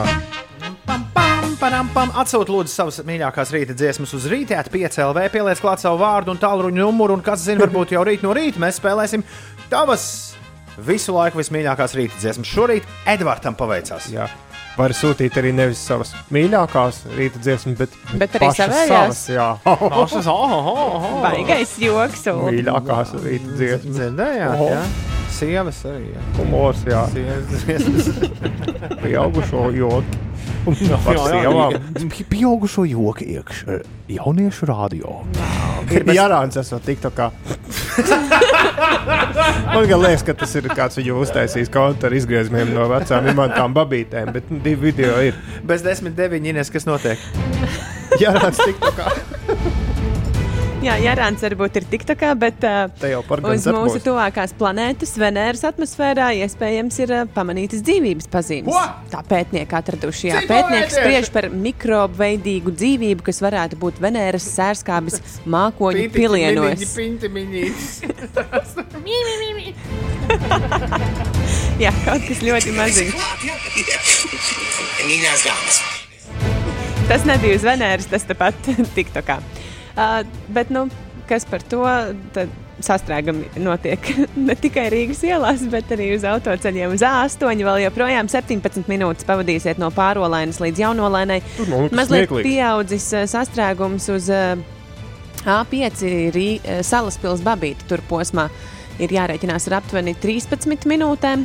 Un par Rīgas ielām šobrīd ir eh, 11 minūtes aizsaules ielā Zemitāna tilts pārbraucams 10 minūšu laikā, Gustavs Zemgala gatava līdzīgi arī uh, izbraucama 10 minūšu laikā, un citās ierastajās sastrēguma vietās 5 līdz 8 minūtes pavadīsiet. Nu, kāds mūsu klausītājs raksta, smējas, smējas, drīz vien miljonu no Venēras izaugs, un ko tad jūs darīsiet? Tomo to raksta. Pagājušo gadu nekvalificējos uz rīta dziesmu topu. Varbūt šogad sanāks, kas zina, Andrejs pie sevis tā domā. Un man šis tas rakstāms domām raksta Ingvars. Es varu rakstīt uz rīta piecēlē, vai Toms lasa to e-pastu. Jūs varat Jā, mēs droši- visi izlasīsim tad Jā, to jā, e-pastu. jā, jā. Ja kaut kas privāts, tad noteikti. Bet jūs varat droši, jūs varat droši rakstīt arī man uz, uh, uz Tomsat piecēlē. Tad uh, Ulas un Ines to noteikti neizlasīs. Bet, Ingūna, tu vari rakstīt arī uz rīta 5.CLV. Jā, jā, to jau nu, tev gribētos. Visas manas vēstules izlasīt. Man nav bail nosaukt visus uzvārdus. Man arī. Puķeka, Zīdiņš, Grēviņš. Man nav bail nosaukt visus uzvārdus. Bet vēlreiz, Apsveic ar drosmi. Zīdiņš, Grēviņš, Puķeka. Interesantās ziņās!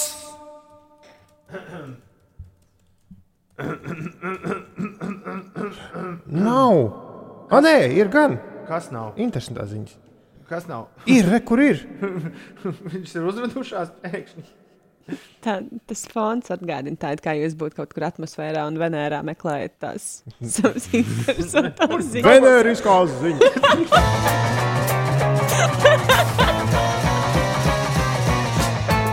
Cerams, nē. Bam, bam, bam, bam. Ines, tu atceries tādu seriālu emulators? Jā, Tur viens čalis bēguļoja no ļaunajiem, ceļojot pa ASV un katrā jaunā mītnes vietā izliekoties, ka ir kāds profesijas pārstāvis. Jo viņš bija tā trenēts, viņš spēja strādāt jebko. Un atcerieties, kā šorīt mūžīgo studentu spēlēm mums bija farmaceits, kas šķiet nebija pabeidzis studijas, bet apgalvoja, ka ir farmaceits. nu, lūk, Uldis ir uzgājis stāstu no dzīves, kurā galvenajā lomā ir pavisam īsts emulators. Puisis, kurš gadiem ilgi izlicies par to, kas viņš nav. Turklāt nebūtu nevienkāršajā, vienkāršākajā medicīnas nozarē. Aha, bet viņš noteikti tik aizraujoši dzīvo.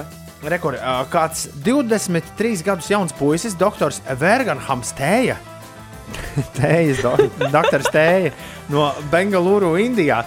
Savā īsajā mūžā paspējis pastrādāt 16 slimnīcās, vadījis vairākas medicīnas nometnes un kā brīvprātīgais pandēmijas laikā palīdzējis Bengaluru policijai. Šādā veidā viņš strādājis vairāk nekā 4 gadus, bet tad viņa priekiem pienāca gals. Pēc tam, kad Tējas, tējas kunga otrā sieva, atgādinām, ka viņam ir tikai 23, ja, iesniegusi policijā sūdzību par to, ka vīrs viņu fiziski un morāli esot aizskāris, un tas licis policijai ieskatīties doktora biogrāfijā mazliet dziļāk. Atklājusies vesela melu jūra. Principā visa tējas kunga dzīve bijusi viens vienīgs izdomājums. Viņš nav ne doktors, ne policists, par ko jauneklis arī paspējis izlikties. Patiesībā viņš izmests no skolas 5. klasē, tad kādu laiku tirgojas uzkodas vilcienos, līdz iepazinies ar kādu ārstu un sapratis, ka mediķa profesija ir viņa aicinājums. Tik nav nemaz tik grūta. Diemžēl viņš to sācis no nepareizā gala. Nevis iegūstot attiecīgo izglītību, bet viltojot medicīnas skolu izglītības dokumentus. Nē, viņš Vai pēc tās jaunās nu, mācījies darot. jā, jā, jā. kompetenci izglītība. Lai gan, lai gan tagad tējas kungam draud krietnes nepatikšanas, patiesībā viņš būtu pelnījis kā minimums iespēju studēt kādā īstā medicīnas skolā, jo talants taču viņam ir, to nevar noliegt. Man tikai viens jautājums, vai tiešām tējas kungu sauc tēja? Vai arī tas nav izdomāts? Portāls CNN biznesa ziņo par kārtējo vinilu plašu uzvaru. Šoreiz no mazliet aputējuša troņa ir krituši kompaktdiski. Tiem, kas nezina, kas tas ir, tie ir tādi plasmasas diski, kuri pirms apmēram 25 gadiem bija galvenais mūzikas nesējs, bet tad no 2000. gada pamazām sāka grimt aizmirstībā. Tagad vinila plates ir kārtīgi iespērušas jau tā guļošajam kompaktdiskam, jo šī gada pirmajā pusē pirmo reizi kopš 80. gadiem vinila tirdzniecības apjomi pēc Recording Industry Association of Ameri America datiem ir apsteiguši kompaktdisku tirdzniecības apjomus, turklāt diezgan nopietni. Šī gada pirmajā pusē no vinila plašu pārdošanas ir ieņemti 232 miljoni dolāru, un kompaktdiski ieņēmuši 129 miljonus. Lūdzu! Lūdzu! O, kurš tagad smējas? Tā kā smējās toreiz, kad es par pirmajām platēm no Londonas pirms 20 gadiem pārbraucu.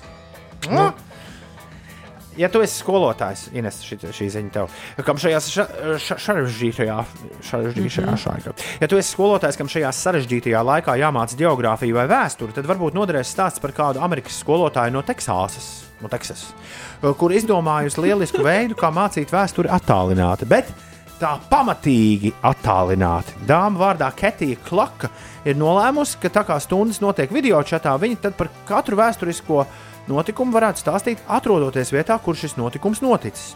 Viņa to nosaukusi par Great American History Road Trip. Un jau kopš augusta ceļo pa ievērojamākajām ASV vietām, ik reizi sazvanoties ar skolēniem tiešraidē. Oh, tas ir tik forši. Jā. Šis ir kaut kas tāds, ko es parastā skolas gadā nekad nebūtu varējis izdarīt. Es vienkārši domāju, kā lai es to visu šo te attālināto mācīšanos padarītu interesantu bērniem, jo viņi taču nav pieraduši mācīties attālināti. Un es arī neesmu pieradusi mācīt attālināt. Tad es domāju, ja nu es mācīšu vēsturi no tām vietām, kur tā notika, varbūt viņiem būs interesanti kaut vai tikai pieslēgties un paskatīties, kur tad es esmu. Kā viņai veicies? Ir? Nu, izskatās, ka labi, ja jau ziņās raksta un TV sižetu taisa un ko tik vēl ne. Cerams, ka bērni. O, Ines, o, ņem piemēru. Es arī varētu, arī varētu mācīt kaut ko ko citiem. Kur tad es esmu? Uzmini, nu. aizbraukusi? Uzmini, nu, jā. Ne, tad tev jākļūst tomēr par īstu geogrāfijas skolotāju. Kāds onkulis ASV aplaupījis banku, lai ilgi sēdētu cietumā prom no sievas. Tiesa ironiskā kārtā viņam piesprieda mājas arestu. Bet tas varētu būt geogrāfijas skolotāja, tas emulators. Nu, ka es stāstu, ka es esmu geogrāfijas Ah, tu joprojām par to. Man- to. Man liekas, ka skolotāja ir pirmā ieguvēja šajā te ceļošanas stāstā. Jūs smējaties, smējaties, bet man daudz kolēģi ir emulātori, persiks tā raksta. Mhm. nu, jāatzīst, ka es arī vienīgā augstskola, kurā esmu pēc, ir juridiskā, un es nevienu mūžu brīdi neesmu ko par jurisprudenci darījis. Kā tā tikai- mēs te mētājamies pa pasauli. Tikai ik pa laikam tu izsaki dažādus spriedumus. Spriedumus izsaka tiesnesis. Ah, pareizi. Jā, tas man piemirsās. Labi, eh, dāmas un kungi, šīs bija interesantas ziņas. Kaut kā es jums teikšu, tā kā bobslējā šorīt tas rīts pagāja. Nu, man bija tāds sajūta, ka es iekāpu sarkanās kamaniņās un nulles man tā kā sāns Iestūma? Un ro- esam finišā. Ieraugot to rokturīti iekšā, nu vienmēr bail, ka to rokturīti iebrauks sienā. Nu, bobslējā tur tā, tā, tā, nu, kur viņi stumj. Liekas, ja nu tas neienāk, tad tur saskrāpēs ledu un ko vēl ne. Bet jūs tikai braucat, jā? Nākamreiz, kad es Nu, aizbraucu, divnieks vai četrnieks? Jā, mums nav četri. Tad mums atkal tie divi tomi jāizdomā, kurus tu redzēji pirms stundas. Klausies! Es neesmu nekad Siguldā bijis vecajā bobslēga trasē. Es uh, nākamreiz aiziešu. Tur ir kaut kāda pamesta. Mūrjāņos tas ir. Mūrjāņos, jā. À, tas nav tur. Ha, es domāju, nedēļas vidū aizlaist līdz Siguldai.